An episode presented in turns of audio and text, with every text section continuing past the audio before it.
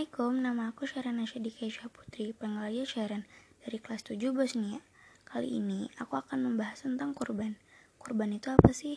Kurban berasal dari bahasa Arab itu kurban yang berarti dekat.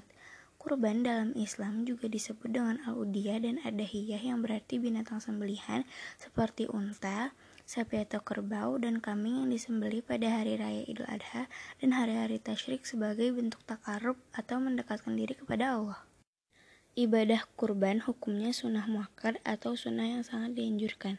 Bagi orang yang mampu melakukan lalu ia meninggalkan hal itu, maka ia dihukumi makruh.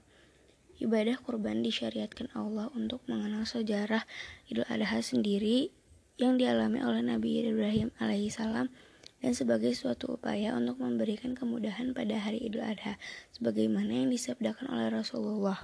Binatang yang boleh untuk kurban adalah onta, sapi, kerbau, domba, dan kambing. Untuk selain yang empat jenis ini tidak diperbolehkan. Allah Subhanahu wa Ta'ala berfirman, supaya mereka menyebut nama Allah terhadap binatang ternak yang telah dianugerahkan Allah kepada mereka. QS Al-Hajj ayat 34 Disunahkan bagi orang yang berkurban memakan daging kurbannya, menghadiahkan kepada para kerabat, dan menyerahkannya kepada orang-orang fakir. Rasulullah SAW bersabda, Makanlah dan berilah makan kepada fakir miskin dan simpanlah.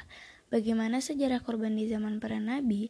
Sebelum manusia diperintahkan untuk berkorban, para nabi dari Nabi Adam alaihissalam sampai Nabi Muhammad diberitahukan terlebih dahulu baik lewat wahyu Allah. Disebutkan dalam Al-Quran, Allah memberi wahyu melalui mimpinya kepada Nabi Ibrahim alaihissalam untuk mempersembahkan Nabi Islam alaihissalam putra kesayangannya. Tentu saja hal ini menjadi sebuah ujian berat bagi Nabi Ibrahim, putra yang diharap-harapkannya dan didambakannya puluhan tahun yang seharusnya putra tersebut menjadi pewaris keturunannya, namun harus disembeli olehnya untuk menjadi dijadikan kurban yang akan dipersembahkan kepada Allah Subhanahu wa taala. Bisa dibayangkan betapa bimbangnya hati Nabi Ibrahim alaihissalam pada saat itu.